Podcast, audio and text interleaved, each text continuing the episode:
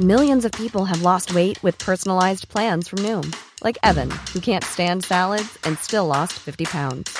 Salads, generally, for most people, are the easy button, right? For me, that wasn't an option. I never really was a salad guy. That's just not who I am. But Noom worked for me. Get your personalized plan today at Noom.com. Real Noom user compensated to provide their story. In four weeks, the typical Noom user can expect to lose one to two pounds per week. Individual results may vary.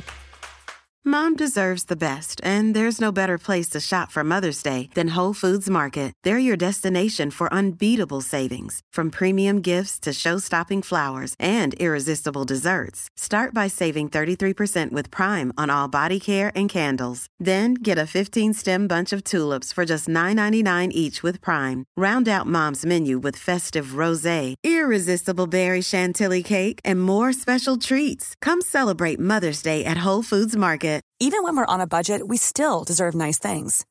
Quince is a place to scoop up stunning high-end goods for 50 to 80% less than similar brands. They have buttery soft cashmere sweaters starting at $50, luxurious Italian leather bags, and so much more. Plus, Quince only works with factories that use safe, ethical, and responsible manufacturing. Get the high-end goods you'll love without the high price tag with Quince.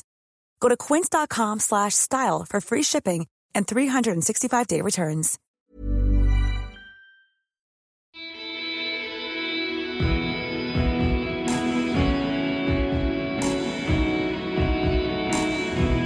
Velkommen til Kaptare podcast episode 72. I uh, denne utgaven som omreisende studio. Jeg har vært på besøk med mikrofoner og alt hos Harald Bjerke. Ikke akkurat hjemme hos ham, men uh, i et møterom der hvor han jobber.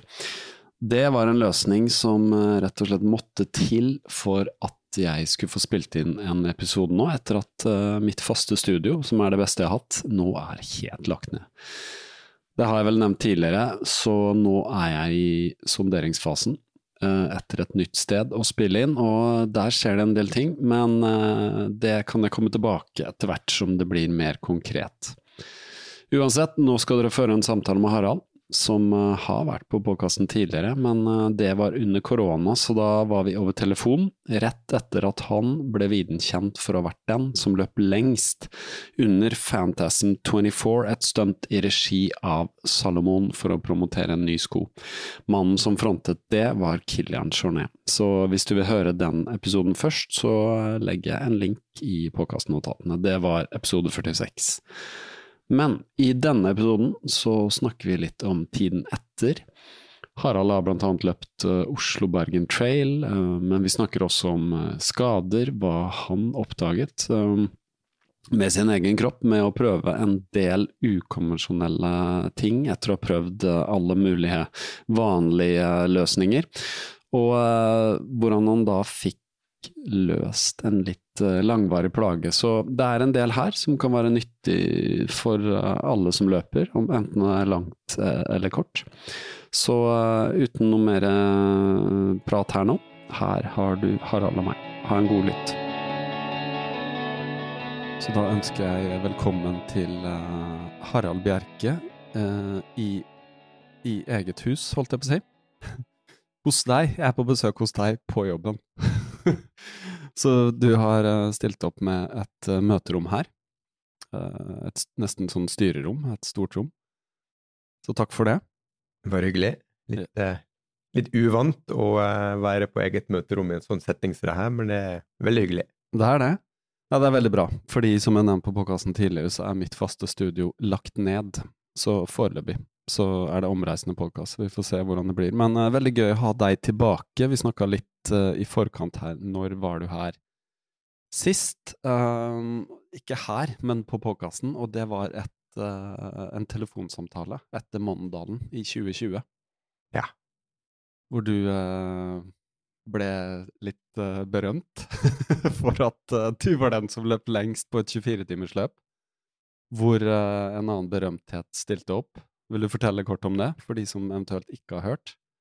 Ja, um, det var jo eh, det som var uh, Ilian Jornet sitt Det skulle være et verdensrekordforsøk, uh, og samtidig en lansering av uh, Salomon sin nye, raske sko.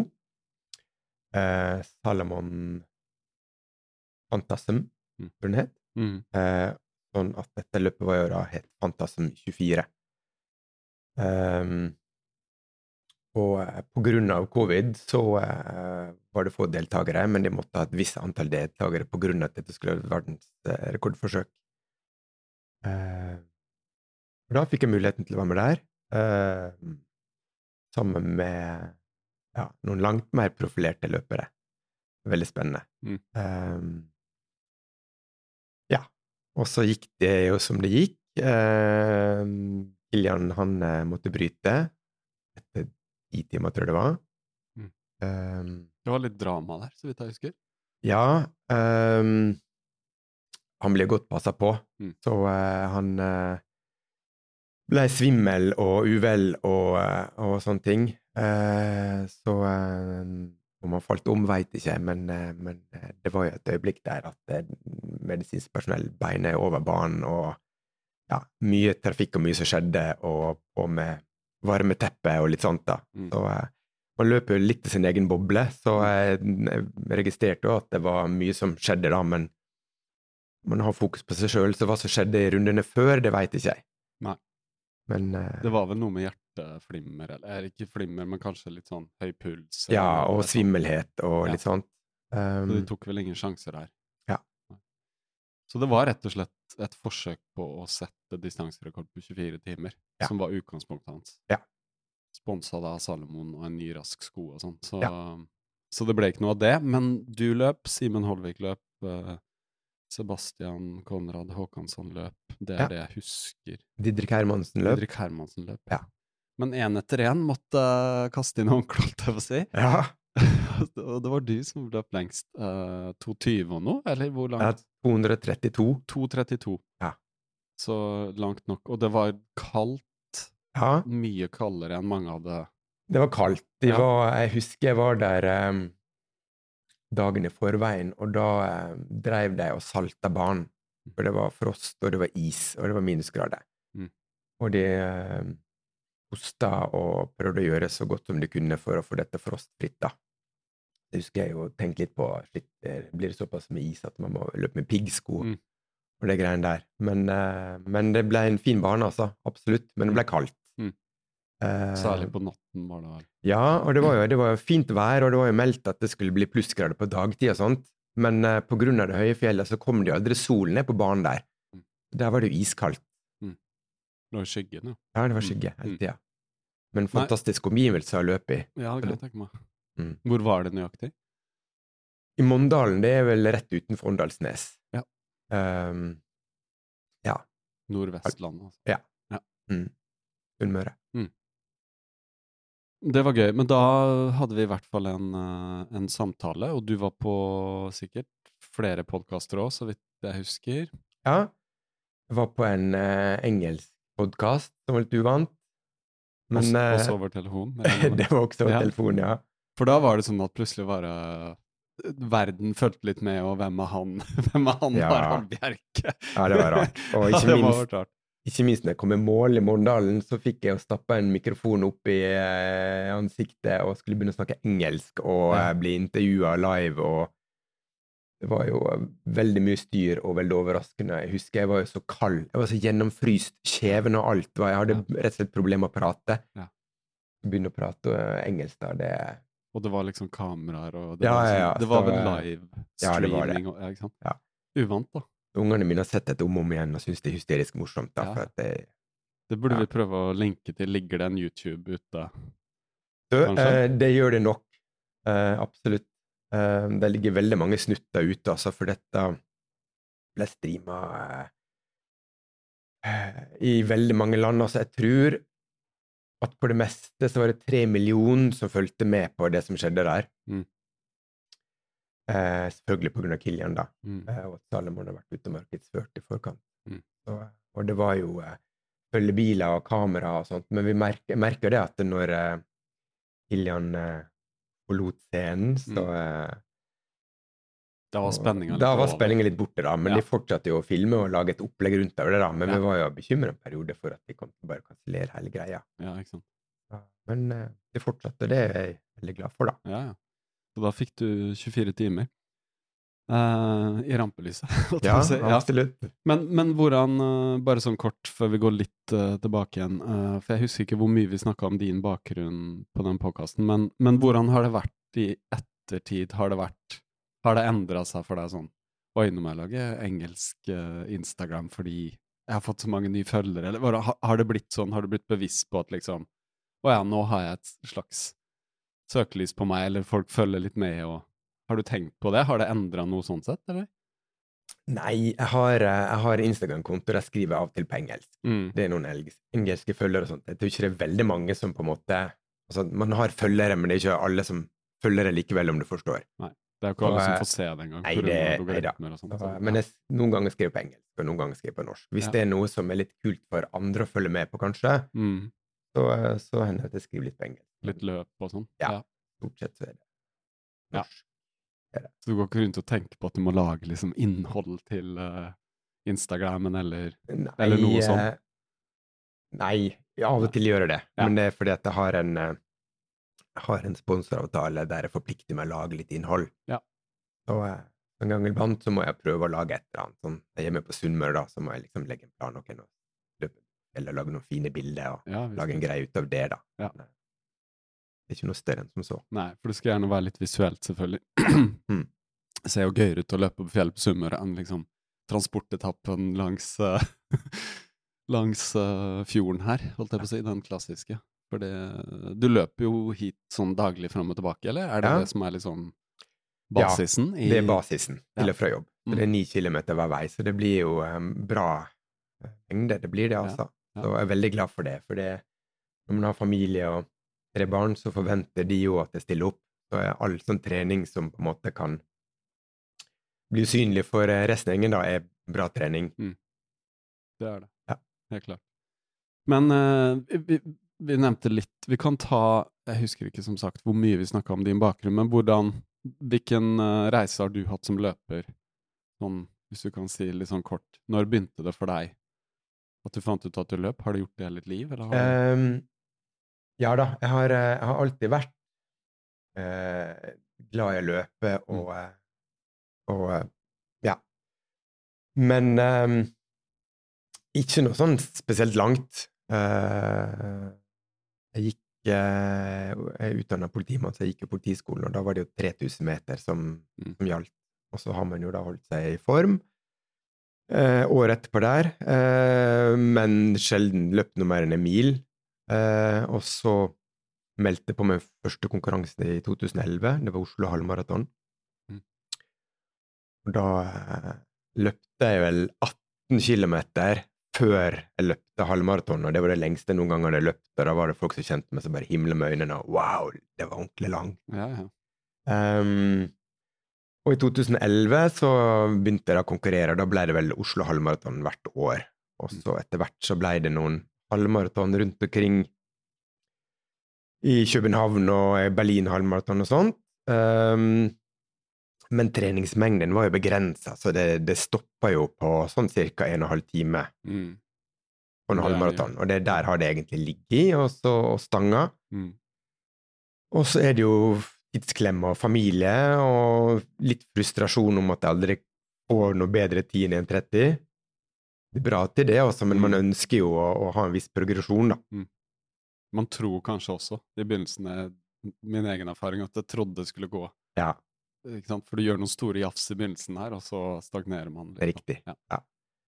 Um, og da eh, Ja, så begynte jeg også å prøve litt på maraton. Men, men igjen, da, hvis du skal pushe tid, så er det alltid det her med at du må liksom legge inn noe intervalløkter og sånt, og med å være travel familiemann og etter legging og begynne å løpe intervaller ute i mørket når man helst har lyst til å slappe av og Mm. ja, senke skuldrene, så syns jeg det var litt slitsomt. Eh, og derfor tenkte litt på kanskje ultra er der du på en måte bare kan senke skuldrene og løpe litt rolig, og eller nyte løpinga istedenfor å pushe intervall og stresse rundt det, da. Mm. Så lufter jeg til kona at det har vært kult å løpe litt lenger en gang, og da eh, fikk jeg eh, coaching i julegave av kona, eh, og også startplass på Ecotrail 80. Det var jo der uh, ultrainteressen uh, begynte, da. Ja, og det var første ultradistanse var 80 allerede? Ja. Ja. Jeg hadde løpt Ecotrail 45 et Ja. par ganger, så Mm. det var jo en slags ultradistanse, da, men det er jo Mm. ikke Nei. ultralangt. Den er akkurat sånn, ja, akkurat, den var akkurat lang nok til å bli kalt ultra, Ja. men tøff nok for så vidt i seg selv, da. Ja, absolutt. Så da, så da, da ble det, ting ble strukturert, og du fikk en mer langsiktig plan for å bygge deg opp til, til å løpe 80 og, og kunne Ja. Mm. Så da, eh, men som sunnmøring så skal jeg ha mest mulig for pengene, så da ble det jo Når jeg først hadde en coach og fikk et opplegg rundt det, så ville jeg perse på 10 km og halvmaraton og maraton òg. Eh, og det var jo veldig fint egentlig å få en, en struktur rundt det, for jeg har jo løpt halvmaraton noen år uten å på en måte ha fått noe framgang der. Så, og det å da plutselig få oppleve framgang og eh, kjenne på at trening virker, det var jo det var veldig kult. Så eh, jeg fortsatte med coaching, og har det fortsatt den dag i dag. Ja. Det tror ikke kona helt hadde forutsett. Nei, men det, det fungerer tydeligvis, da. Men er det, er det sånn at du har eh, løpende dialog og fram og tilbake, eller er det mer sånn langsiktig, og du sier ifra hvis det er noen korrigering, eller hvordan fungerer det? Begge deler, egentlig. Ehm, om det er noe spesielt med treninga som fungerer, ikke fungerer, eller noe vondt noe sted, så er det dialog som vi har umiddelbart. Mm. Eller så er det jo et opplegg som gjerne blir satt en uke eller to uker fram i tid. Som Mm. blir tilpassa familie, hverdagen og arbeid og Mm. sånne ting. Mm. Og så blir det spesielt tilpassa i forkant opp mot konkurranser og slike ting. Da. For det du har, eh, den konkurranseformen du har prøvd en del ganger, vet jeg, er jo backyard-formatet. Ja. Um, når begynte det for din del? Um, det begynte på Siggerud. Um, Er det den Østmarka det er Østmarka Backyard, ja. Husker ikke når jeg løp mitt første løp der. Det er noen år siden. Eh, da tror jeg jeg løpte 15 runder. Og så eh, ble det noen virtuelle etter det av covid. Eh, da begynte jeg vel å nærme meg 30 runder. Og så har det blitt flere og flere backyard etter hvert. Backyard på Ekeberg, Mhm. i tillegg til Siggerud. Ja. Da blir det litt at man lærer etter hvert å erfare nye ting, så man kommer jo litt lenger og lenger for hver gang. For din utfordring har Det snakka vi litt om i Patron-praten jeg hadde med deg i forbindelse med backyard på Ekeberg. Det du har prøvd å finne ut av, er ernæring, siden man må ha i seg veldig mye kalorier, da, bare for å si det sånn, i Ja. løpet av et sånt løp hvor du faktisk løper uh, Hvis du løper 24 timer, så har du løpt 100 miles, som er en eh, lang distanse, eh, faktisk. Så hvordan har du For at du har slitt litt med kvalme, og det er jo sikkert mange som gjør, for at man skal jo ja, spise og kunne fordøye samtidig som man egentlig konstant er i bevegelse, da. Man Ja. er jo i bevegelse i kanskje 45 minutter hver time. Eh, Det fine med, med backup-konseptet er at du nettopp har muligheten til å teste ut ting, for du, du løper samme runden hele tida, og du starter og stoppe på samme sted, så du kan ha eh, mat, bekledning, altså det du ønsker egentlig. Så mye av det du vil. Altså det er jo noen som kommer med en, eh, en stol og en matpakke, og så er det andre som kommer med en varebil med ting Mm. å lese ut. Så eh, det er egentlig fritt fram til hva du vil, og det er en unik mulighet til å teste ut hva som funker og ikke funker, og ernæringsstrategi og klær og skovalg og, Mm. og sånne ting. Ehm, helt supert. Når du ikke fungerer lenger når du er tom, så kan du rusle til bilen og kjøre hjem. Ja. Eh, opplever du noe tilsvarende i et eh, 100-milesløp, så kan du risikere å stå igjen på en topp og må prøve å finne veien hjem. Så det er veldig, veldig enkelt løp å, å utforske egne grenser på. Ja, det er kanskje derfor det har vokst litt i format òg, eller sånn at det har blitt spredd til hele verden, da. Ja, det tror jeg. det Opprinnelsen i USA og han Big Dogs Backyard Ultra, eller han Lazarus Lake, som Ja. han heter vel, eller blir kalt, jeg vet ikke om han faktisk heter det eller hva, men han er jo en uh, karakter kjent fra det Harvey, nei, Harvey, ja. um, Barkley Marathon, Riktig. ja, som er litt sånn mytisk, uh, mytisk løp der. Ja.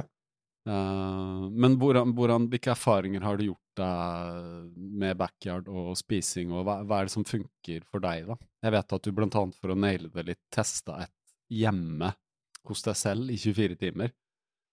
Ja, jeg ble ordentlig dårlig på, på um, Ekeberg Backyard, så jeg løp i februar. Der eh, brakk jeg meg skikkelig og eh, måtte bryte. Og det samme var det vel med Soria Moria, som jeg løpte høsten før, verdensende. Eh, der også eh, fra 80 til 110 km så ble det tre mil med bare oppkast. Eh, og det gjør jo at du får Det blir jo en psykisk greie, for du går rundt og er redd for det og nesten venter på at det skal dukke opp. Mm. På et anstrengt forhold til både hva man skal putte i seg, og når og hvor mye. Så eh, da bestemte jeg vel egentlig for å prøve å legge en strategi rundt dette med ernæring, og prøve å finne ut hva som funker og ikke funker, og hvordan jeg skal prøve å snu dette hvis det først setter i gang da, med kvalme. For det er jo utrolig ubehagelig å løpe rundt med kvalme, for det suger så utrolig mye energi ut av kroppen. Mm. Uh, og da var det jo egentlig å bruke et backyard til å teste og trigge, og det gjorde jeg hjemme. Da har de jo tilgang til alt mulig rart. Uh, og da loggførte jeg alt jeg spiste på Excel, uh, og kjente etter hvert hva som funka ikke funka. Og når jeg da hadde spist bra og likevel følte meg tom, så prøvde jeg med elektrolytt og salt, og merka at det fungerte bra. Um, og uh, til tross for at jeg drakk mye og likevel var tørst, så prøvde jeg med salt, og fant ut ok, nå var det saltpris. Mm -hmm. Så egentlig veldig fin måte å lære seg sjøl å kjenne, og hva som fungerer og ikke fungerer. Mm. Og når man har lyst på noe salt og spiser chilinøtter og får halsbrann umiddelbart etterpå, så vet man at da bør ikke man ta med seg det på løp. Mm. Så egentlig en veldig fin eh, læring eh, rundt det, altså. Så det var sånn bevisst du testa litt forskjellige ting? Ja. ja. Uh, og det jeg opplevde, var at uh, istedenfor å spise jevnt, så um, så spiste jeg når jeg var sulten. Uh, og hvis jeg ikke var sulten, så spiste jeg ikke jeg. Jeg drakk på hver runde, altså energidrikke, men uh, istedenfor å spise jevnt og da risikere å fylle opp magen, så uh, spiste jeg når da jeg var sulten og magen var tom og klar for ny mat. Det fungerte veldig bra. Og hvis det da ble slik at jeg likevel ble kvalm, så eh, tok jeg eh, melkesyrebakteriekapsler. Mm tilsvarende det man får i yoghurt, tror jeg. Ja, probiotika. Ja. ja. Eh, og det uh, balanserte i hvert fall magen min veldig fint, altså. Da uh, forsvant kvalmen bare en, etter noen minutter. Det er interessant. Så um, det ja. siste løpet nå jeg har hatt siste tida, det har vært et par backyard i hvert fall, så har ikke kvalme vært noe issue, altså. Og når det har dukket opp, så har det forsvunnet like fort igjen. Ja. Så på siste backyard nå eh, i Elvedalen, som var lag-VM backyard. Da i løpet av de 28 timene jeg løpte der, så fikk jeg i meg 7500 kalorier. Mm. Det var egentlig ganske bra. Det er bra.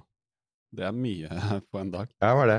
Hva, var det, hva, hva har du funnet ut som funker for deg, da? Det er jo veldig individuelt, selvfølgelig, men det kan godt være at det er noen som får noen gode tips. Hvilken type mat er det som fungerer? Det er stort sett heil mat.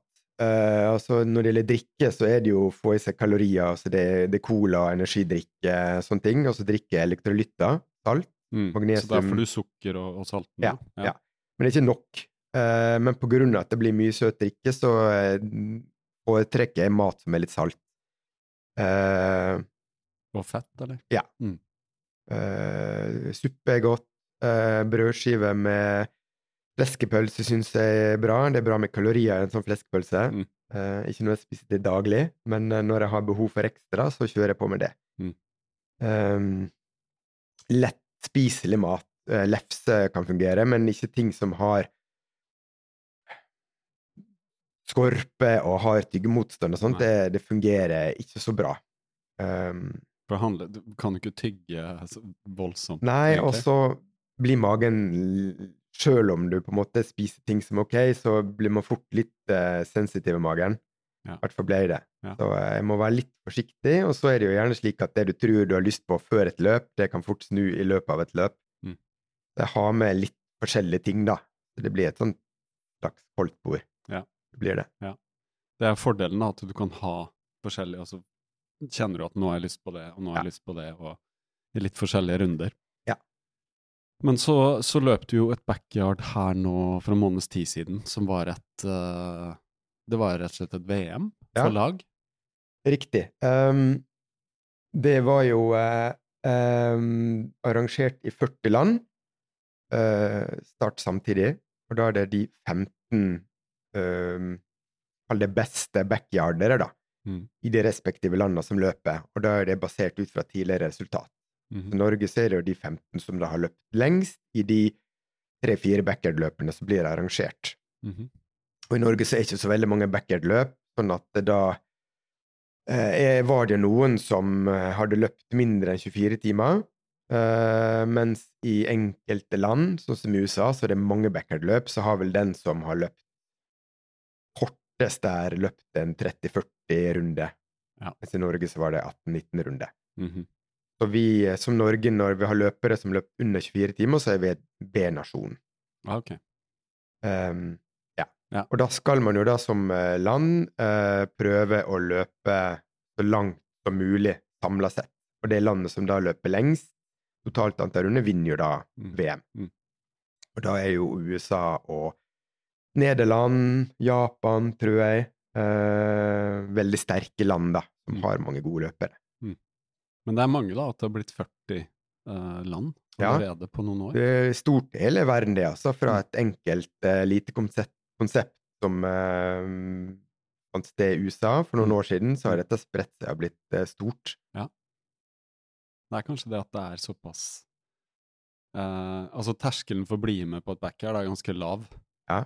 Men samtidig er det så krevende over lang tid at det liksom er ja, like tøft som hvilket som helst ultraløp, og så har det jo egentlig ingen ende, så det er det som er uh, veldig spesielt med Ja. det. Det er liksom den som Vanlig konsept er last man standing, den som står igjen sist, som vinner, men Ja. her var det totalen, da.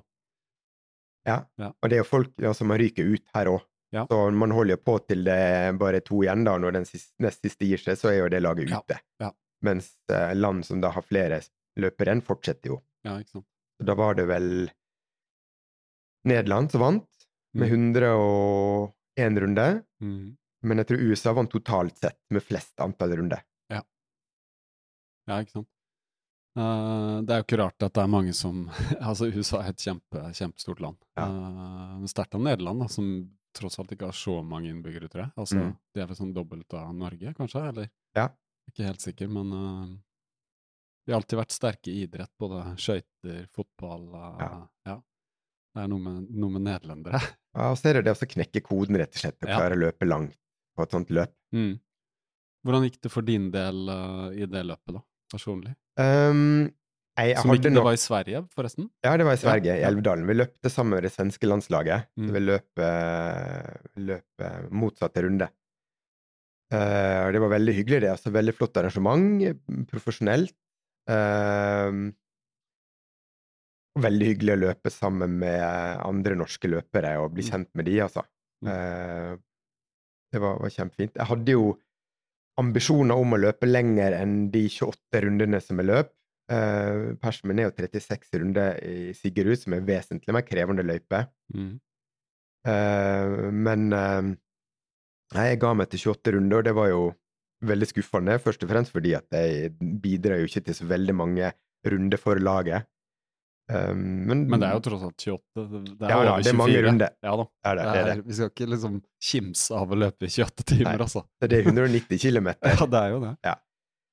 Men nei, kroppen fungerte ikke. Eller beina, rett og slett, fungerte ikke. Mm. Uh, hoftene slo seg fullstendig vrang etter hvert, og selv om ernæring og drikke og salt og søvn, alt var perfekt, Mm. så eh, fant ikke vi ut hva som var problemet, altså. Um, vi For du, hadde, du med hadde meg, også support? jeg hadde med meg support. Tom Ja. Eikelin. Ja. Veldig, veldig flink. Gjorde en god jobb. Og vi prøvde å feilsøke og finne ut hva som var galt, og ofte på ultraløp, som så mange vet, så har man nedturer og oppturer, og det kommer om hverandre. Mm. Men fra runde tolv så var det bare en nedtur. Det var ingen, ingen runde som på en måte føltes bra. Nei. Og alt butta imot. Og jeg kunne ikke forstå hvorfor det skulle være sånn, når alt fungerte så bra. Mm. Uh, så jeg var kjempeskuffa. Til slutt så gikk ikke lenger. Det var Jeg begynte på runde tolv, og når jeg løp 16 tunge runder, så tenkte jeg at nå det går ikke lenger. Nei. Det kommer ikke til å løsne. Eh, så selv om jeg visste alt mulig og fikk i meg mye kalorier og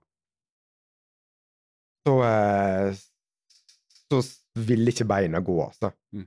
Uh, og vi har prøvd sånn i etterkant å finne ut av det, og Tom er jo eh, massør og muskelterapeut og har eh, kikka litt sånn i ettertid og så jo ganske fort sånn på slutten av løpet at hamstrings var jo helt var som fire stålrør baki der. Ja.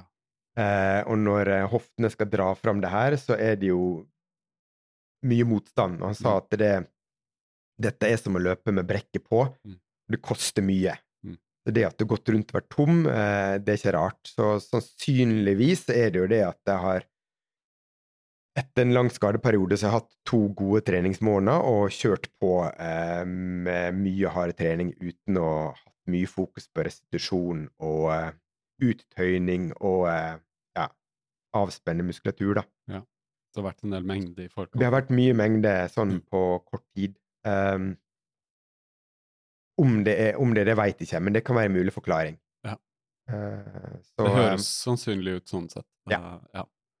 Men det er litt synd da, at når liksom det andre fungerer, når du liksom jobber masse med ernæring og sånt, så, så, så skjer dette. Men det er vel kanskje litt uh, sånn det er i det gamet her. Er når du har et ultra, så er det ting må klaffe maks for at man skal klare å Ja. ja.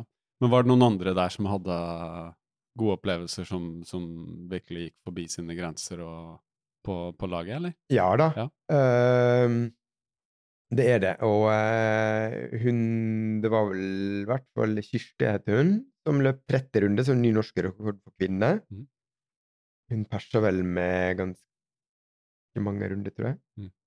Ja. Det, det var mange gode prestasjoner. Mm. Eh, fantastisk mange hyggelige løpere og Ja, flott gjeng, altså. Så eh, dette blir arrangert annethvert år. Og så er det vinnerne av lag-VM, den personen som løper lengst, eh, kvalifiserer jo da til individuelt VM som er året etterpå. Så det skjer neste år, ja. Det skjer neste Ja. år. Og, Og neste da år samles man da et Ja, sted? i Tennessee i USA. Ja. Og så neste år så blir det år da nye ordinære backyard, og da vil jo de som da løper lengst i de backyardene, kvalifisere seg til et nytt lag-VM året etter der igjen, da. Så målet mitt eh, for kommende år nå er å løpe en, en bra backyard og eh, kvalifisere meg til nytt lag-VM, da, forhåpentligvis neste gang eh, Ja, bidra litt lenger for Norge, da. Hvilket backyard er det neste? Ehm, altså, det har jo Man har jo Ekeberg, tror jeg, som er arrangert én gang. Uh, som ble arrangert i februar. Kult å løpe på vinteren. Og så er det jo Siggerud, som har vært arrangert tidligere. Og så er det et løp eller to i Trondheim, Hell. Og så tror jeg han eh, Hagemann skal arrangere et i Svelvik. Nå i løpet av eh, Usikker når det er mai, kanskje. Ja.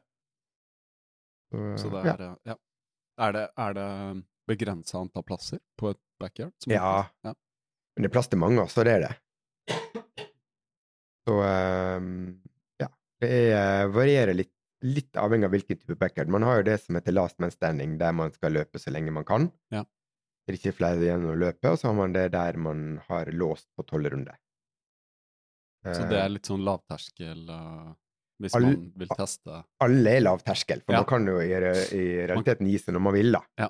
Eh, og så er det kjempesosialt, fordi at man eh, sitter samla i startområdet, Mm. eller målområdet, det er jo samme sted, Mm. og eh, prater med hverandre og gir hverandre råd, og ja. Og Og så løper løper man i samla flokk. Ja, felles, da. Og det er jo pratetempo også. Det er absolutt pratetempo. ja, ja.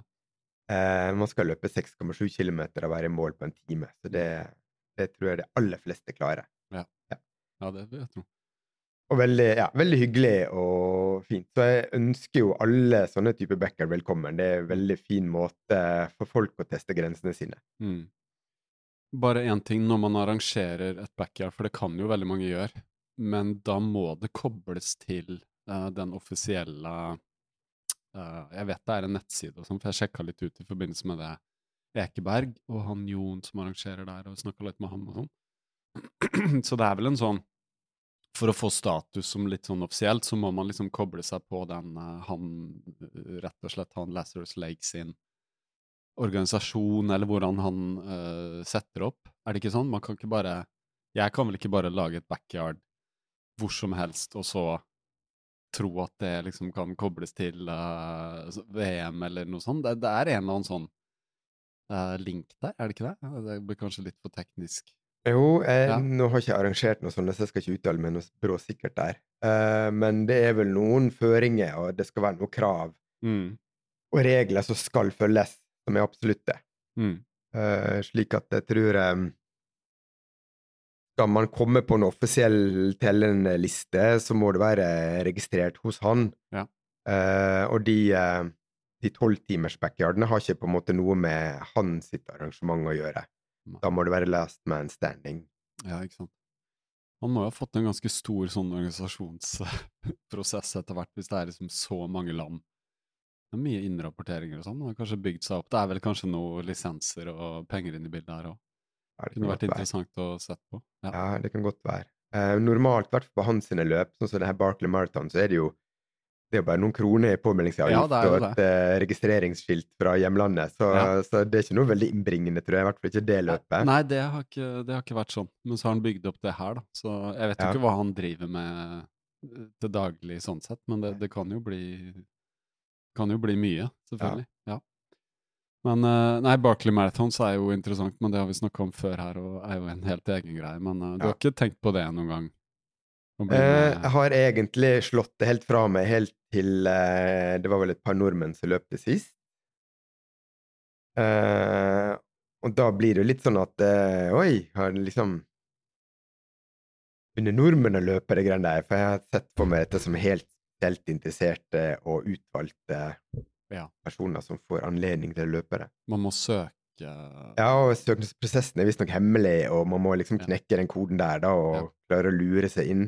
Uh, så det har liksom vært ja, litt sånn uvirkelig. Ja. Uh, men uh, Men det er blitt stort, for det ble lagd en dokumentar om det. Ja, så det er blitt det er det. kjent. det er legendarisk, og ja. det er ekstremt få som klarer å, å komme i mål hvert år. Ja, det er lagt opp. Men det er, det er en annen historie. Men du sa jo litt om skade, og komme tilbake etter skade og sånn, og en av de grunnene til at du skada deg, var at du var med å løpe Oslo-Bergen Trail i uh, Nå holdt jeg på å si uh, Fjor? Det, det, var i fjor, for ja. det var jo ikke sommer. Det gikk ikke i år, det løpet. Nei, det går annethvert år. Det går annethvert år, ja. Og det er jo uh, Så vidt snakka om det her med hun Liss Johansen Vadestrand, men gøy å høre litt dine erfaringer med det løpet. hvordan du satt sammen lag, for man må vel løpe lag og, og, og sånn. Så ja. fortell litt om Uh, hva som skjedde i forkant, eller hvordan du fant ut av det, og hvordan du forberedte deg, og hvordan løpet gikk? Jeg hadde jo, eh, jeg hadde jo et lag. Uh, man må være minst to og maks tre. Uh, det, har jo det har med egen sikkerhet å gjøre. det er langt. Det er jo en åtte dager som er satt av, og mange plasser er ikke dekning. og man skal over fjell og sånne ting, så det kan være ordentlig ruskevær. Så mm. derfor er det minst to hvis det skulle skje et eller annet, så har man muligheten til å ta vare på hverandre. Eh, og jeg var, skulle løpe med Sondre Amdal, men så ble han skada og måtte melde pass.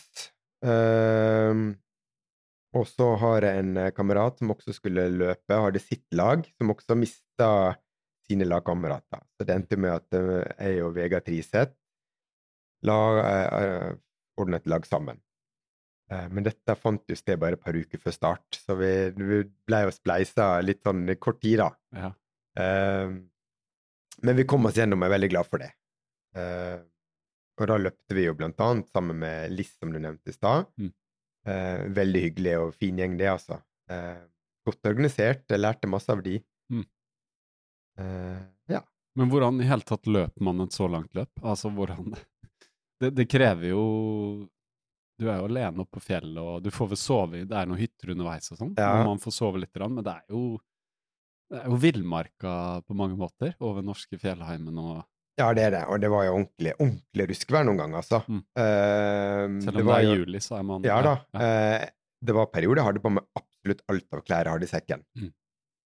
Uh, dobbelt lag med ull og en tynn dunjakke og en skalljakke utapå der igjen. Mm. Eh, og da holdt det så vidt. Og så er det jo eh, Det er 100 km mellom hver checkpoint, cirka.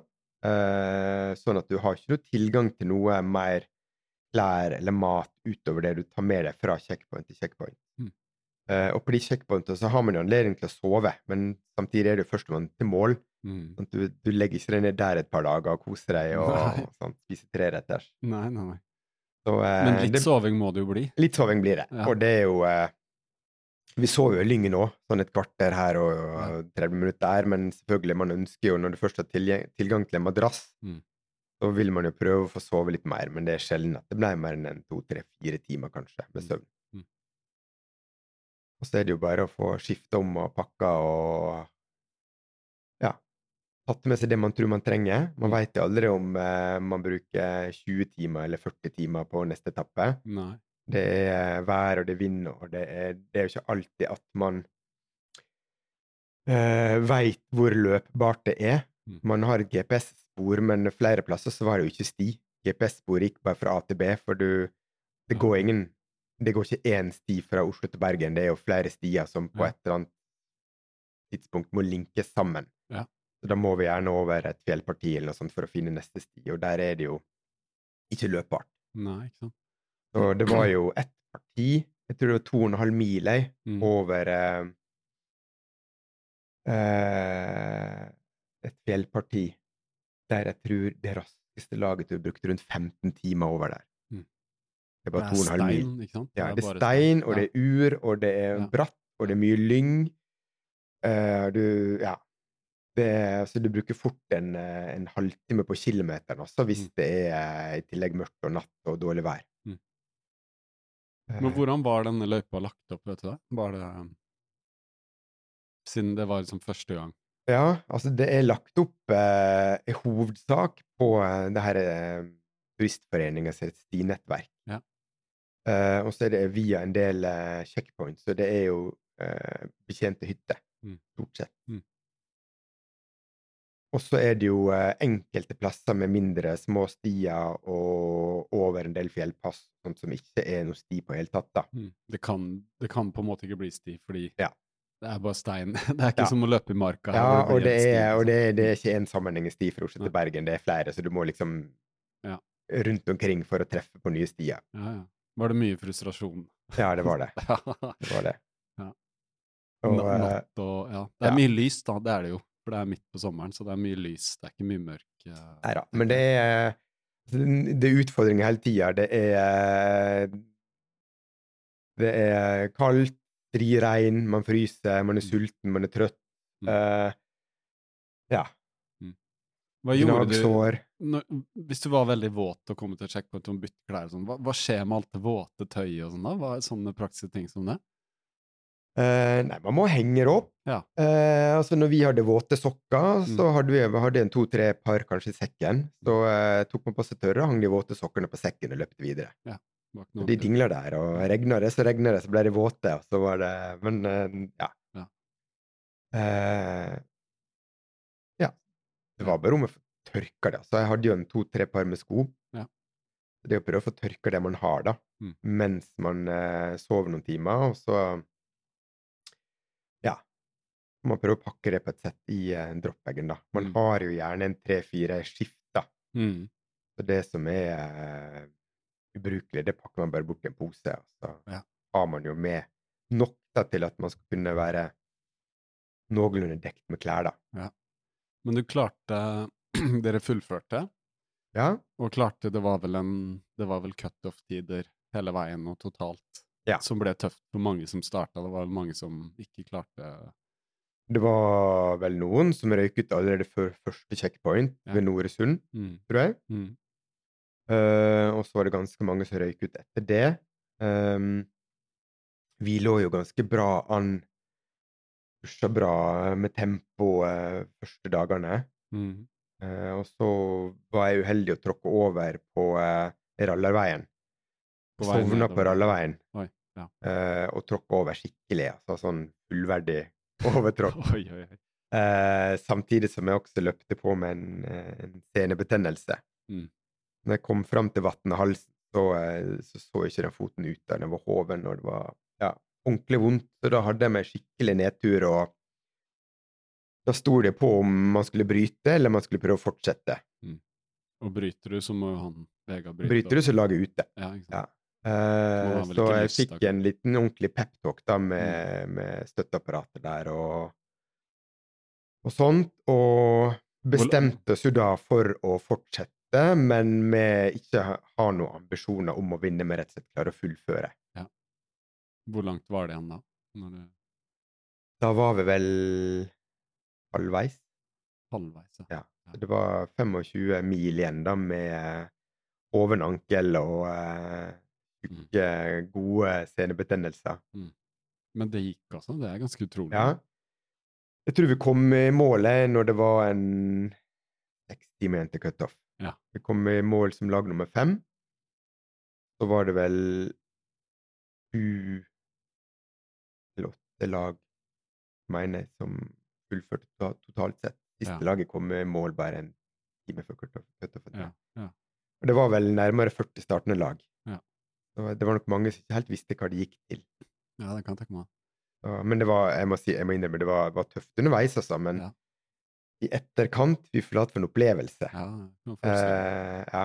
Og det frister å gjøre det igjen, det gjør det, altså. Ja.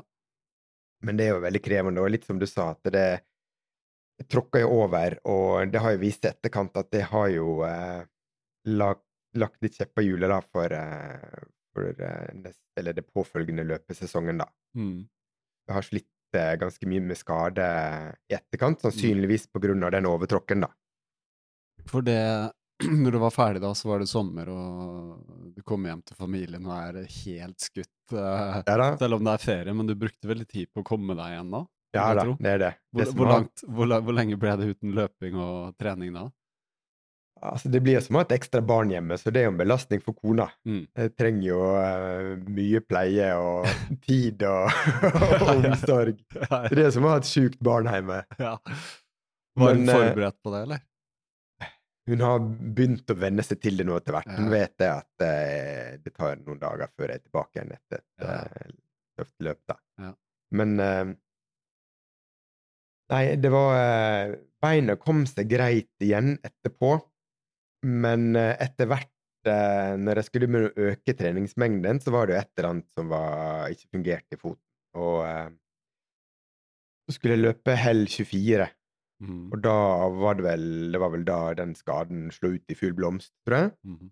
Uh, og jeg måtte bryte da etter 15 timer. Mm. Og så har det vel egentlig da etter det vært et år da med bare tull og tøys og ulike fram og tilbake fra ulike behandlere og mange ulike konklusjoner, og fra at det her er bare å legge skoa på hylla og finne fram sykkelen istedenfor, til Mm. eh, ja, dette skal vi ordne, og Ja. full optimisme. Og så går det bra en måned, og så øker man treningsmengden, og så er det rett tilbake til start. Hva er det ankelen da som har vært problemet da? Eller Ja. Ja. I ankeleddet, ja. Uh, rett og slett. Og de har vel skanna og holdt på og sett masse på det her? Ja.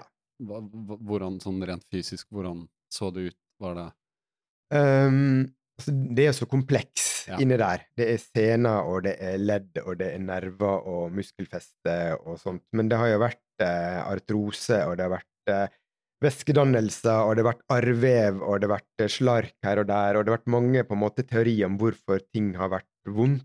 Mm. Uh, men eh, etter mye fram tilbake og inn og ut av mange dører, så var det jo da en ortoped som sa at her er det nerveproblem, Mhm. uh, rett og slett. Fordi at um, når jeg løper, så Det har blitt så mye slark inni det der ankeleddet etter mange år med overtrakk. Det er ikke første gang jeg tråkker over i Oslo-Bergen. Men det er slark, slik at når jeg løper, i hvert fall fort, da, så blir det sånn sleng Mm. Som da drar og strekker nerven i ytterstilling. Mm. Den på en måte blir i spenn. Og når det skjer lenge nok, så blir det irritasjon, og da er egentlig all form for belastning på den nerven blir vondt, da. Mm. Så løsningen var egentlig så enkelt som å bare teipe foten og begrense bevegelsesutslaget rundt den. Mm. Det oppdaga jeg jo da for to-tre måneder siden. Okay. Jeg oppdaga jeg ble råda til det da for noen Ja. måneder siden. Og når jeg begynte med det, så har jeg opplevd at jeg kunne begynne å øke treningsmengden ganske bra igjen, da. Mm. Så eh, jeg er i full gang nå, da, men, eh, men det satt jo meg Jeg var, jeg var et år ute da uten å kunne trene noe særlig, da. Og det er jo frustrasjon, det vet jo alle som har vært skada og Ja. ikke kommet ut av det her. Det er forferdelig frustrasjon. Ja, det er lenge å holde på òg, Ja, det er det. Så, men du, du har vært innom ganske mange forskjellige behandlere. Ja, eh, det har jeg, og det, det Det blir jo litt sånn når du føler du ikke kommer noen vei, og så blir man usikker, og så Mm. blir det vondt igjen, og så vil du på en måte ha en ny runde og undersøke det. det. Mm. Nå har jeg vært heldig å ha en forsikring som dekker sånne ting, da. Eh, så har jeg har vært innom flere klinikker og fått både skanning og opplegg og vurderinger, og noe har fungert, og noe har ikke fungert, og Men nå har de jo slutta å finne ut av det, heldigvis. Det er jeg veldig glad for. Mm. Men Men det er jo det med teipingen, men er det noe annet du har funnet ut som uh... Eh, altså, det har jo vært et år med der jeg måtte trene alternativt. mm. Eh, Har det vært sykling, da? Eller? ja, sykling. Ja. Og så begynte jeg med bakke motbakke, bratt motbakkeløping, eller gåing. Mm. Såpass bratt at eh, du får eh, virkelig jobba med pusten og pulsen, men uh, belastningen i ankeleddet er likevel lav fordi at det er bratt oppover. Mm. Så det blir å jage på oppover og rolig ned, og så blir det å eh, holde på med det i tillegg til sykling, og så prøve å finne andre alternative Mm. måter. Og så blir man da opphengt da i alt av alternativ trening og hva som kan hjelpe på da, Mhm. på skade, og da eh, ja, blir det naturlig å fokusere på eh, inflammasjon, forebygging av skade, og med inflammasjon så blir det mye fokus på kosthold og ernæring og hel mat og god mat, og ikke prosessert mat. Mm. Eh, og begynner man å lese om mat, så er det mye Henger jo det sammen med faste, og så leser man jo da og lærer mer om hvordan faste og hva slags positive virkninger det kan ha. Ehm, og så eh, leser man om at søvn, restitusjon, hvor viktig det er for skading. Så det blir mye nerding da, Ja. siste året, og innom eh, nesepusting og fasting, som jeg nevnte, og Mm. veldig mye fascinerende, og ja, Mm. teste ut ting, da. Så det har jo Mm. vært Selv om det er utrolig kjipt å gå rundt og være skada, så er jo det Man plukker opp mye nytt som er interessant år, da, Mm. og setter seg litt inn i. Blant annet nesepusting, som Ja. du nevnte. Jeg husker vi snakka, vi hadde en kaffe her, og da, da nevnte du at du du hørte om nesepusting, blant annet den podkasten som jeg har spilt inn med han Thomas Moss. Uh, Ja. uh, og så er det jo mange andre som har begynt å snakke om det nå. Mm. Uh, nevner jo alltid den Breath av James Nestor, som er blitt veldig kjent og sånn. Men du nevnte, husker jeg når vi tok en kaffe, at du på den backyarden sist, så Ja. testa du litt. Fortell om det, fordi du fikk erfare litt hvordan det funker å løpe med nesepusting, da. For å Ja. egentlig ikke ha hatt noe bevisst forhold til det, til å få det. Ja. Um, nesepusting eh, Ja, jeg vet ikke hvor jeg skal begynne hen, men eh, jo ehm, Ja, når du hørte om det, hva tenkte du? Nei, først og fremst, når jeg hørte om nesepusting første gang, så syns jeg det virka litt rart, fordi at det å begrense med, med hvor mye luft man får inn ut av nesa, spesielt meg som er allergiker, så er jo det nesten utenkelig. Um, Mm. Men uh, jeg har hørt mye bra, uh, og uh, tenkte greit, da prøver jeg å nesepuste litt, grann, og når du løper rundt og rundt og har gjort det et døgn, så eh, begynner man jo å kjede seg litt på en backyard. Mm. Så da begynte jeg å prøvde å puste litt med nesa. Jeg klarte ti nesepust før jeg omtrent måtte hive til pusten. Ja, ja. Og så eh, klarte jeg å telle 20 pust. Og så ble det 50 pust. Og så ble jeg litt fascinert over hvor fort kroppen tilpasser seg, nesa tilpasser dette her, for det ble ganske lett å puste med nesa etter hvert. Mm. Og så etter 50 puss så kom jeg ut av tellinga, da begynte vi med 700 meter, og så Mm. skulle jeg neste runde teste 1000 meter med nesepusting, nesepusting og da løpte jeg nesten en hel backyard-runde runde etterpå der. Mm. Det ble 5,7 km. Bare med nesepusting. I løpet av ett backyard. Ja. Fra liksom ti inn og ut? Ja, fra ti inn, ja. inn og ut til neste runde så løper 5,7 km. Og det, det syns jeg var veldig fascinerende å merke Mm. at eh, nesa åpnes opp, og, eh, og eh, jeg hadde noe mageubehag òg, og jeg merka at det også ble litt bedre. Mm. Rett og slett fordi at man bruker muskulaturen i mellomgulvet på en helt annen måte. For det er mer motstand når man puster med nesa, Mm. eh, og det jeg opplevde var stabiliserende for magen. Så jeg ja, følte at det, det hadde noe for seg, og så var det litt morsomt å drive på med det der. Mhm. Og så har dette balla litt på seg eh, fordi jeg har eh, Jeg har eh, Ifølge Garmin-klokka, da, man skal ikke alltid stole på det, men jeg har lite dyp søvn. Mm. Eh, og opplever sjøl at jeg har problemer med konsentrasjon og å huske ting, som da gjerne henger sammen med mangel på dyp søvn. Og har da begynt å utforske litt sånn nesepusting på natta òg. Mm. Eh, og har faktisk merka på klokka at jeg har mer, mye mer dyp søvn nå enn før, og føler meg mer opplagt, da. Ja. Da har Eh, du tatt den klassiske, en liten teipbit på, på munnen? Ja.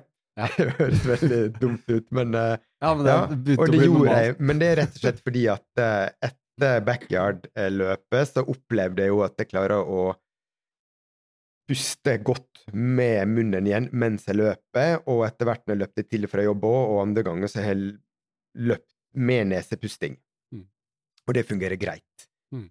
Eh, og da tenker jeg at da har jeg testa ut dette såpass lenge, i noen uker, da, at da har jeg lyst til å prøve det ut på, uh, på natta. Og grunnen til at man da teiper munnen, er fordi at kjeven ikke skal ramle ned i løpet av natta, at man da begynner å puste med med munnen, da. Det er ikke Ja. for å teipe igjen og hindre at man puster ut av munnen, men rett og slett bare for å holde Ja, ja. ting på plass. Ja, det er rett og slett det. For det er det som skjer. Den, alle som har sovna noen ganger på sofaen, vet jo at Mm.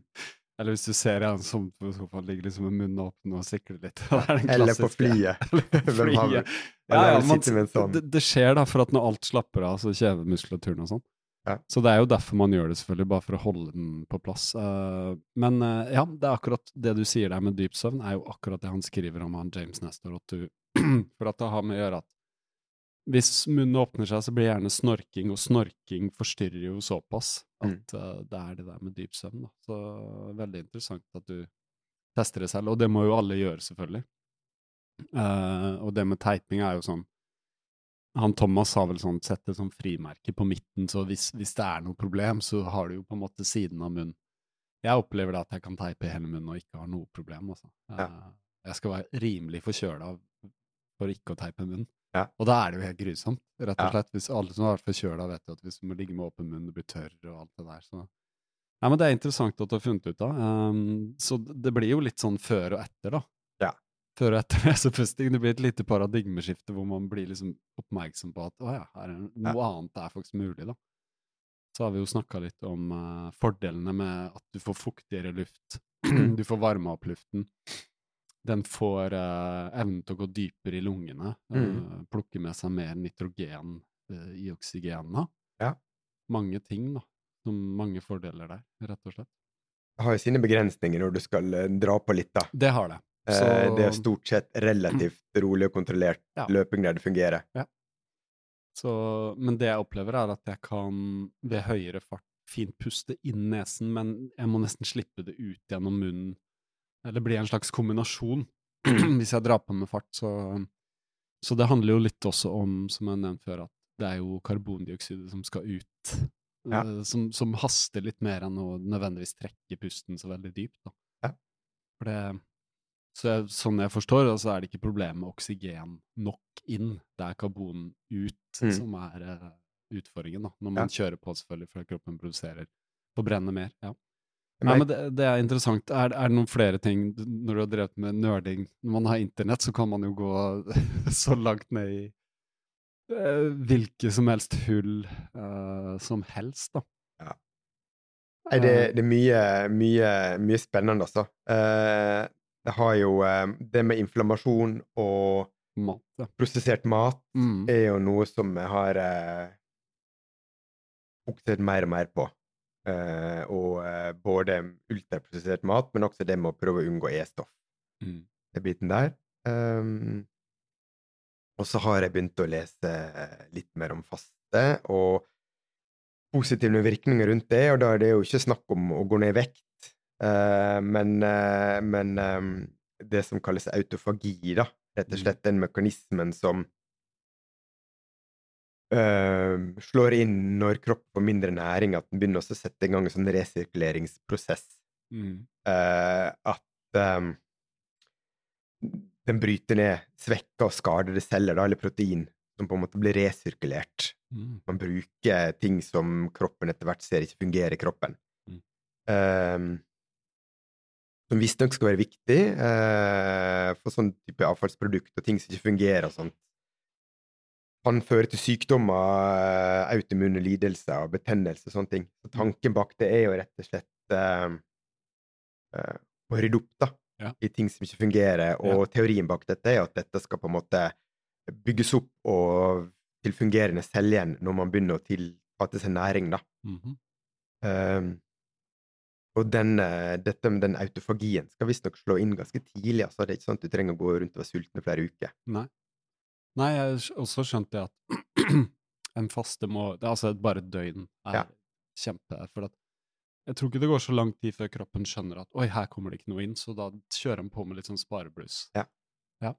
Den, den tanken syns jeg er veldig, veldig fascinerende. og Som løper har man alltid litt vondt her og der, og en eller annen betennelse eller sånt, så jeg tror det er litt nysgjerrig på det. Eh, selvfølgelig under kontrollerte forhold og, og sånt, da. Det er jo noe man må lære seg, kanskje, før man setter i gang. Men uh, det er mye, mye interessant man ramler borti når man begynner å sette seg inn i uh, alt som kan virke, og sikkert også ikke virke, Ja. uh, når det gjelder løping, da. Det er sant. Og det er jo veldig mye sånn, det fins mye informasjon, og det er mye man kan undersøke, men det er det å teste det selv. Ja. Det er jo det som gjelder. og Nesepusting er ufarlig å teste, og faktisk også det du sier med faste. da. Det er jo sånn, bare prøv, sånn som en ting jeg er blitt litt mer oppmerksom på, å ikke spise så innmari mye veldig seint på kvelden. Mm. Prøv å få en 12-14 timer mellom siste måltid og det første dagen etter. da. Ja. Sånn at før så døtta jeg sånn kveldsmat var en greie, ikke sant? Mens eh, jeg har skjønt at det er en fordel å ikke ha spist noen timer før du legger deg, blant annet fordi at hvis kroppen er veldig opptatt med forbrenning, Mm. så går det utover en del andre ting um, som har med restitusjon å gjøre, som du nevner. Ja. Fordi hvis kroppen har liksom gjort unna de første tre timene med den tungfordøyingen, så kan den fokusere på det du sier, da, med reparasjon av celler og bryte ned, og her er det noe som ikke funker, ok. Ja. Da fjerner vi det og ordner litt og ordner opp i sakene, for det er jo det her med søvn, det er enormt mye som skal skje i løpet av de timene du sover. Ja. Og det er veldig interessant når man begynner å lese om det, ikke sant? for det er den dype søvnen er jo uhyre viktig, da. Mm. Og liksom den restitusjonen, det merker jo jeg også. Vi som har barn, har du hatt et barn i senga i løpet av natten, så Kontinuerlig. ja, kontinuerlig. Ja, ja, ikke sant. Så, så kjenner man det, og jeg begynner å få store. Men det var her om natten at eh, hun kom inn da med et, eh, hun yngste med, med mareritt. Ja, jeg kom, liksom. Og vi henter dyna og en pute til henne.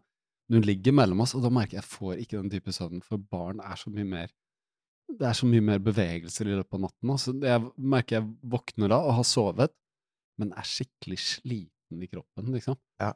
Det er sånn Å ja, jeg, jeg har liksom sovet i natt, men ikke noe sånn, det har ikke vært det dype. Så etter du nevnte det der at du hadde du, Jeg husker ikke mange minutter du snakka om. Du kan se på Garmin, og selvfølgelig er den sånn Det er Ja. vel et cirka, men husker du hvor mange minutter det sto på dyp? Ja, normalt Eller normalt, før jeg begynte å teste ut nesepusting, så lå jeg på mellom 0 og 15 minutter. Ja. Stort sett ingen dyp søvn, eller bare korte perioder. Ja. Eh, og nå er vel stort sett mellom 30 minutter og en time og et kvarter, kanskje. Ja. Så det er vesentlig forbedring, altså. Det er det. Det er veldig bra. Jeg sjekka min i morges, og da sto det 1 time og 26 minutter. Ja.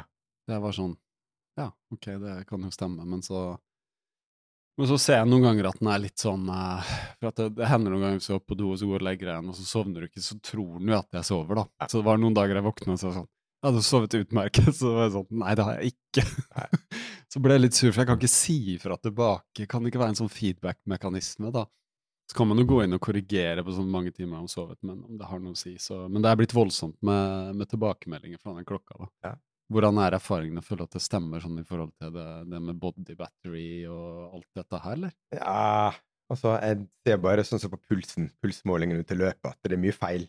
Er mye, Eh, ja, ja, på, er på den håndleddspulsen. Ja, det er det. Så, eh, og, eh, og det her med Det er jo sikkert samme sensor som registrerer alt det her med, med søvn, og den registrerer vel da puls og hvordan den slår, og hvor kraft den slår, kanskje. Ja, og, altså pulsvariasjonen, Ja.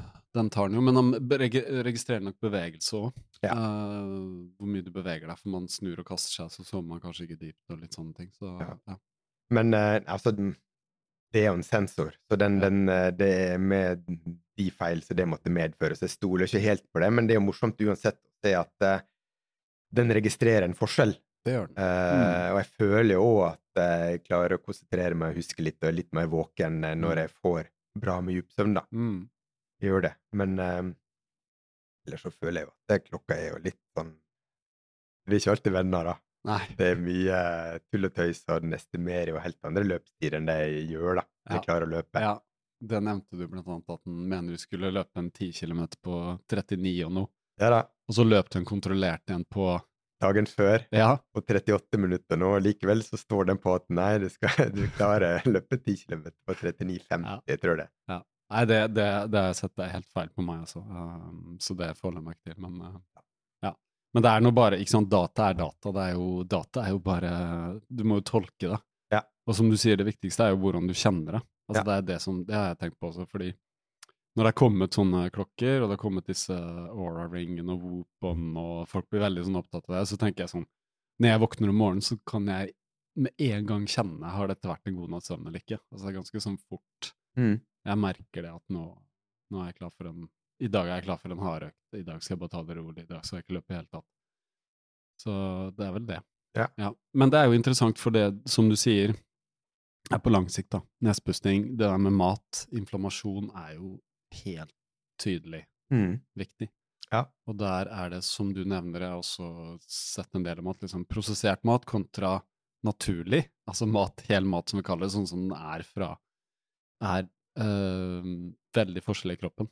Ja. Uh, prosessert mat blir noen ganger oppfatta som fremmedlegemer. Hvor kroppen ikke gjenkjenner det som mat, men som noe som Altså, en, om det er virus eller bakterier, så er jo immunforsvaret i gang. Og derav, derav kommer jo inflammasjon. Altså, det er jo immunforsvaret som er i alerten. Mm. Så det blir en slags betennelse i kroppen, da. Ja.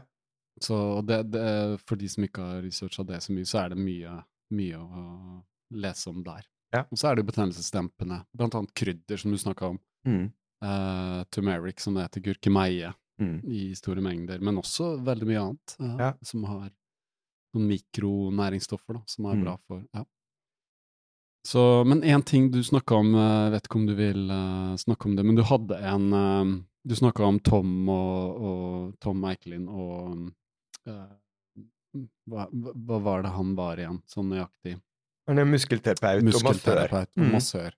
Men du hadde noe som du fikk korrigert, uh, som han Thomas også snakka om på den podkasten. Ja.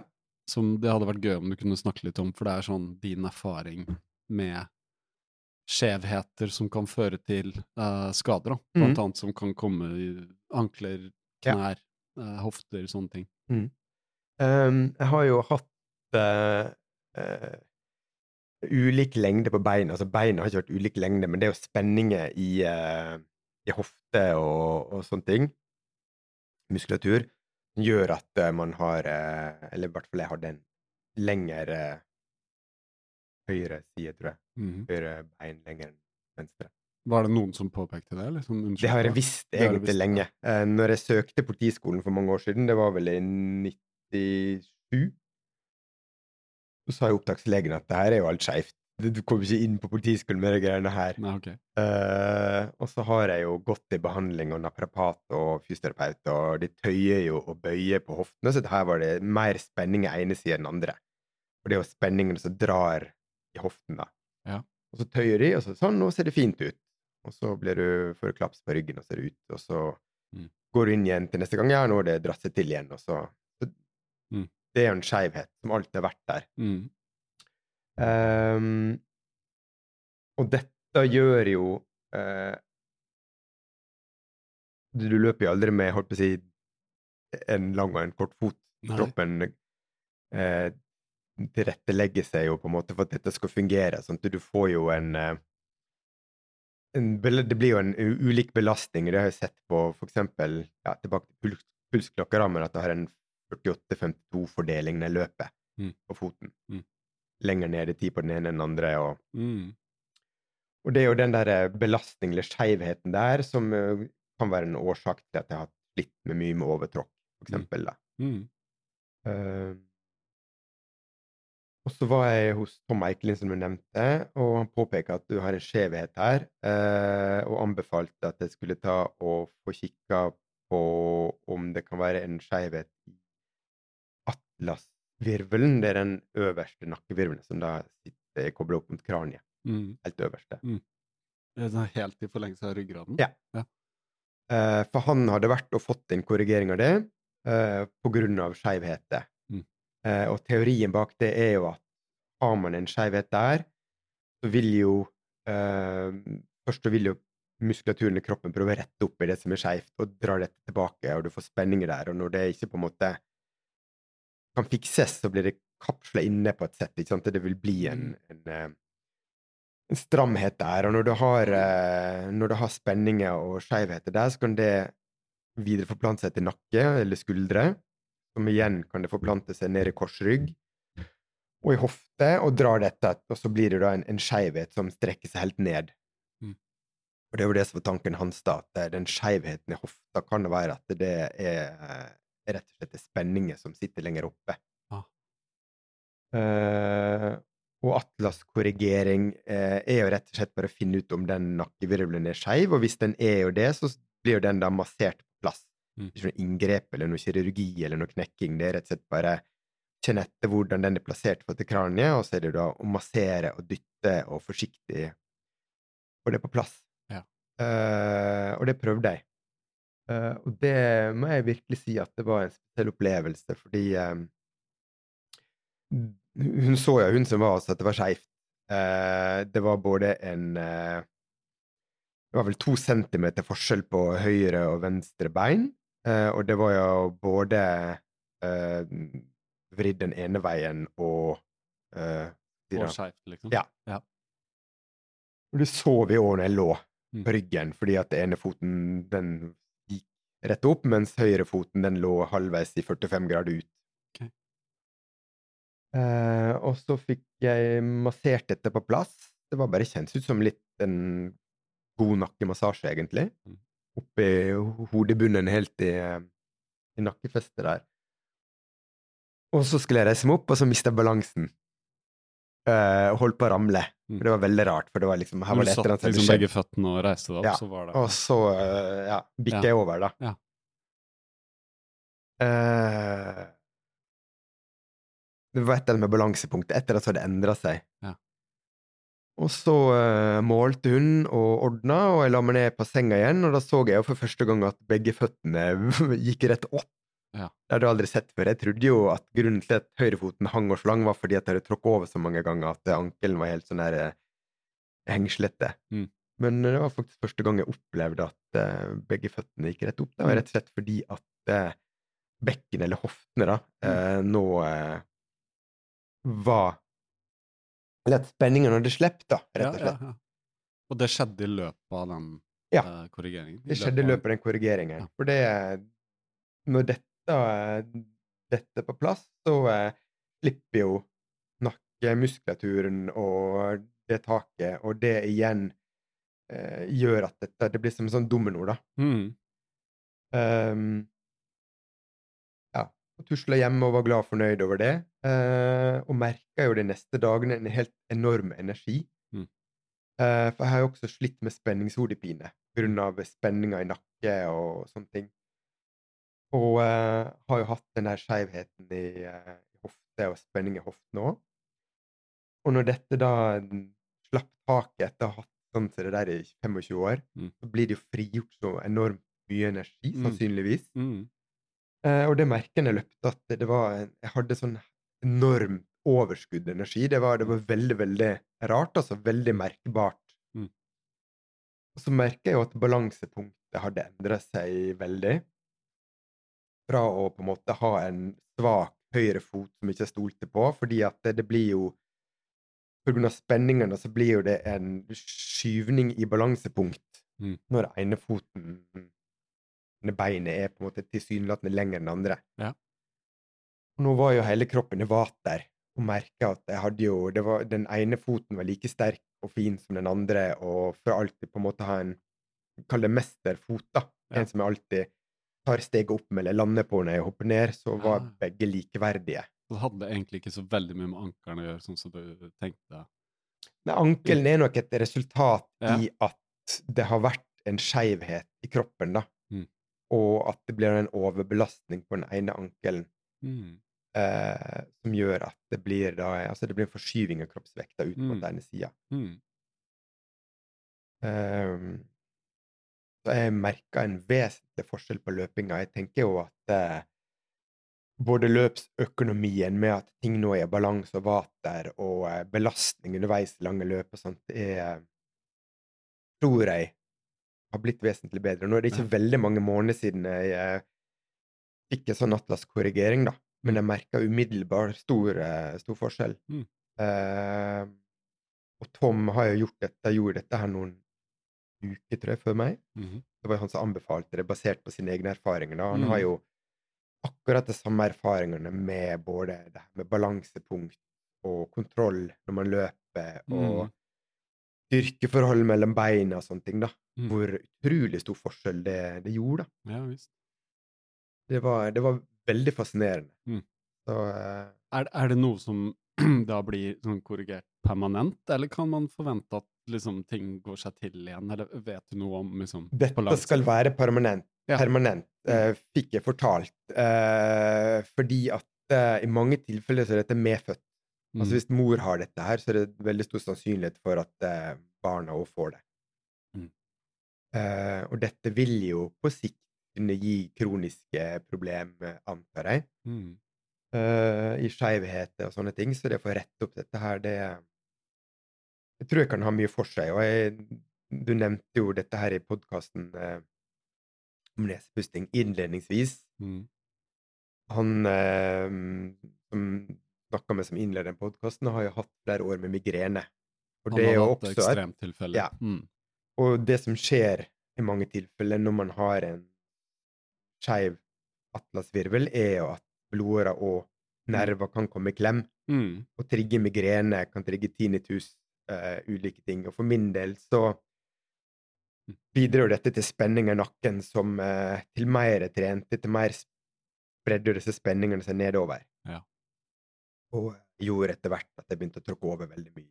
Mm. Og, uh, ja. Nå er det håp, håp for ankelen og håp for ja, altså ankelen er nok ganske Ja. svekka som den er, Ja, fordi ja. at den har jo Der er jo det lite igjen av de leddbåndene. Det er jo bare noe rusk.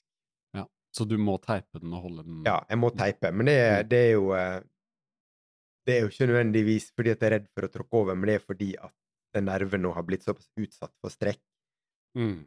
at for å unngå at dette skal bli problem igjen i ankeleddet, da, Mm. så, Ja. så teiper den. Men på sikt er jo målet å trene opp muskulaturen til at dette skal kunne holde seg på plass sjøl, da. Ja. Men uh, ja. Men det har vært en fascinerende erfaring i etterkant, det å få eh, en sånn type atlaskorrigering. Og hvis det er noen som vet jeg har skjevheter i kroppen og sånne ting, så eh, kan det være greit å sjekke ut. Altså. Mm. Bare få eh, sett om det er noe som går an å få gjort noe med. Ja. Jeg vet det ikke hvor kjent det er. Det er ikke kjent. Nei, ikke Det er det ikke.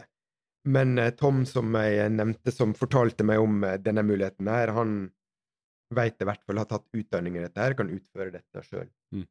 Så eh, Ja, for man må nesten vite hva man driver med, vil jeg tro. Ja. Så, men det er veldig interessant, så det er flott at vi får liksom den informasjonen litt ut der, så får folk se på sant? om det er noe de, de vil gjøre. Mm. Men det er jo litt gøy, da kan vi jo ta litt sånn, før vi avslutter her, litt om tiden fremover, og hva er det noen umiddelbare planer? Nå går vi jo inn i den eh, litt kjedelige tiden da, hvor det er mørkt og kaldt, og det er ikke så mye løp og sånn, men har du noen planer utenom å holde, du vil jo holde, prøve å vedlikeholde formen og sånn? ja da, det blir løping. Eh, Ja. Nå har jeg jo på en måte funnet min greie hvordan jeg skal holde den her eh, løpesmerten i sjakk. Så Mm. nå blir det jo å prøve å ha bra mengde, og gleder meg veldig til en ny uh, sesong, da. Men jeg skal jo Jeg elsker løpet på vinteren. Du gjør det, ja. Ja, Ja, Det er så, eh, altså folk går jo på tur på vinteren likevel, så det er ja. Ja. Men det er mye enklere å finne alle stiene på vinteren, fordi at folk tråkker jo opp. Ja, sant det. Og så er det jo bare å gunne på for Mm. de som er glad i å ta segment. Mm. Fordi eh, det er ikke steiner, og det er ikke Altså, om du tryner, så er det bare å hoppe ut i sida og lande i snøen. Det, det er sant. Så Man eh, kan ta de ja, stisegmentene litt stisegmentene I hvert fall lettere. nedoversegmenter Ja, ja, har jeg tatt en del av på eh, vinteren. Altså, det er Ja, veldig kult. Det er bare å gønne på nedover der. Ja. Det er skikkelig kult.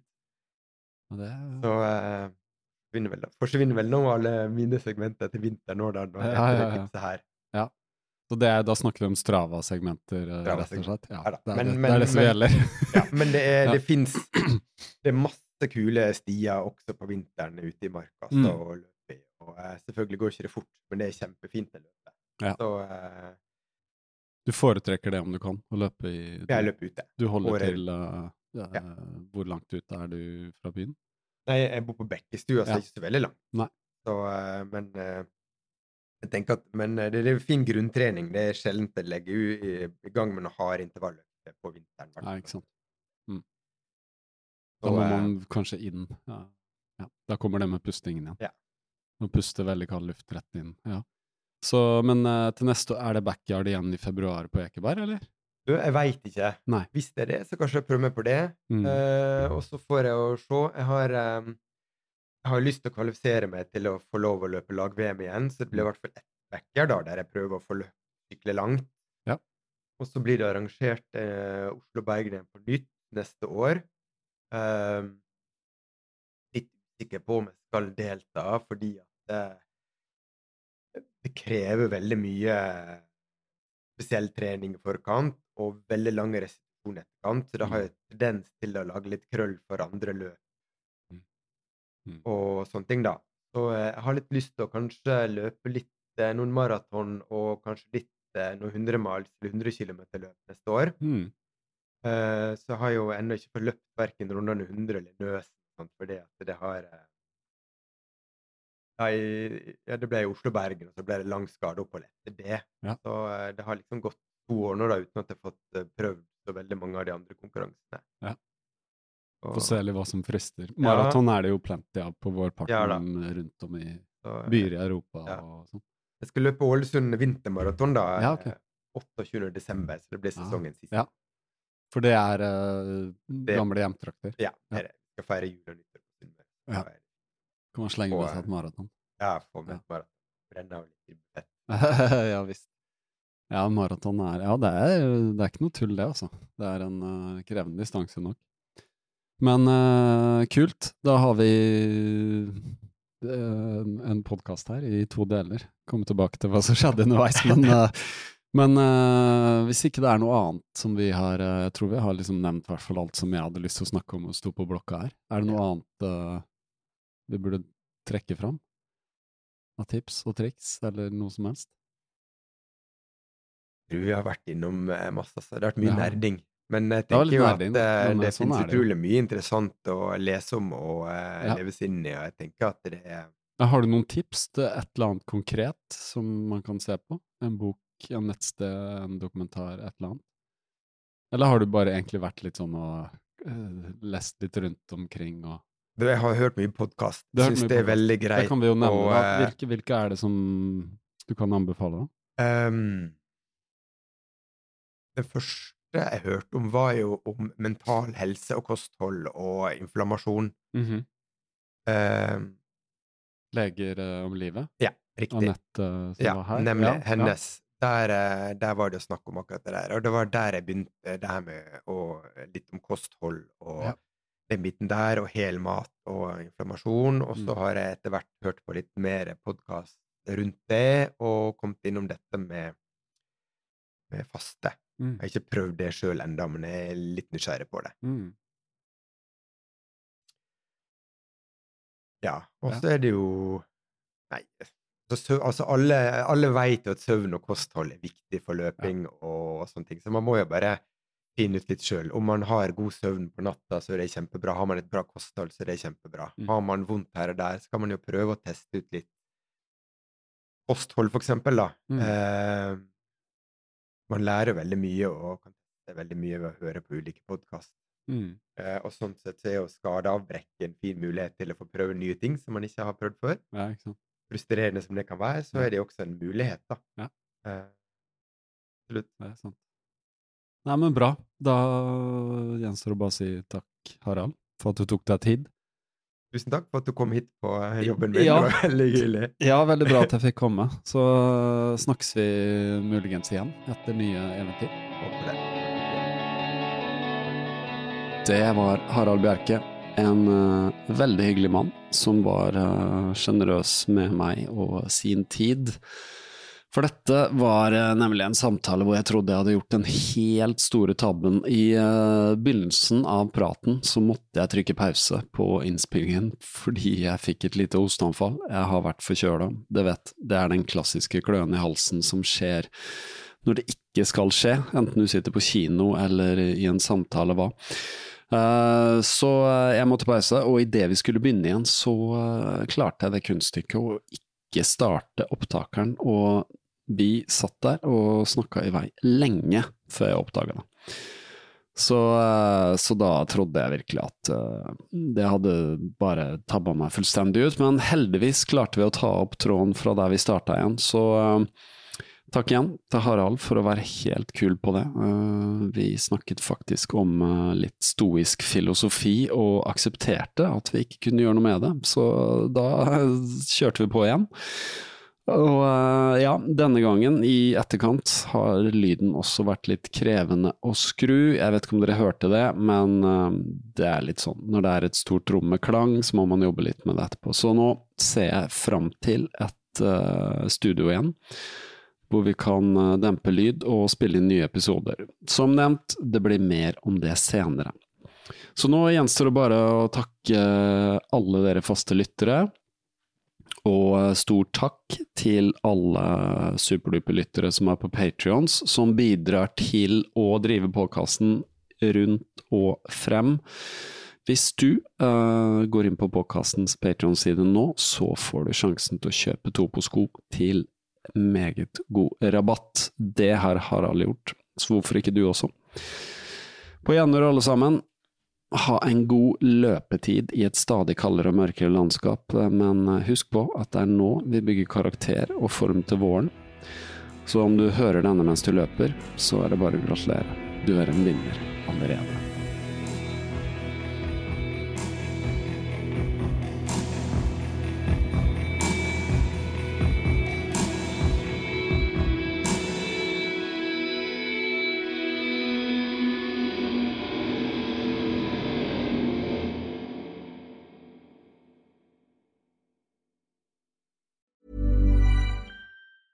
Hey, it's Danny Pellegrino from Everything Iconic. Ready to upgrade your style game without blowing your budget? Check out Quince. They've got all the good stuff shirts and polos, activewear, and fine leather goods, all at 50 to 80% less than other high end brands. And the best part? They're all about safe, ethical, and responsible manufacturing. Get that luxury vibe without the luxury price tag.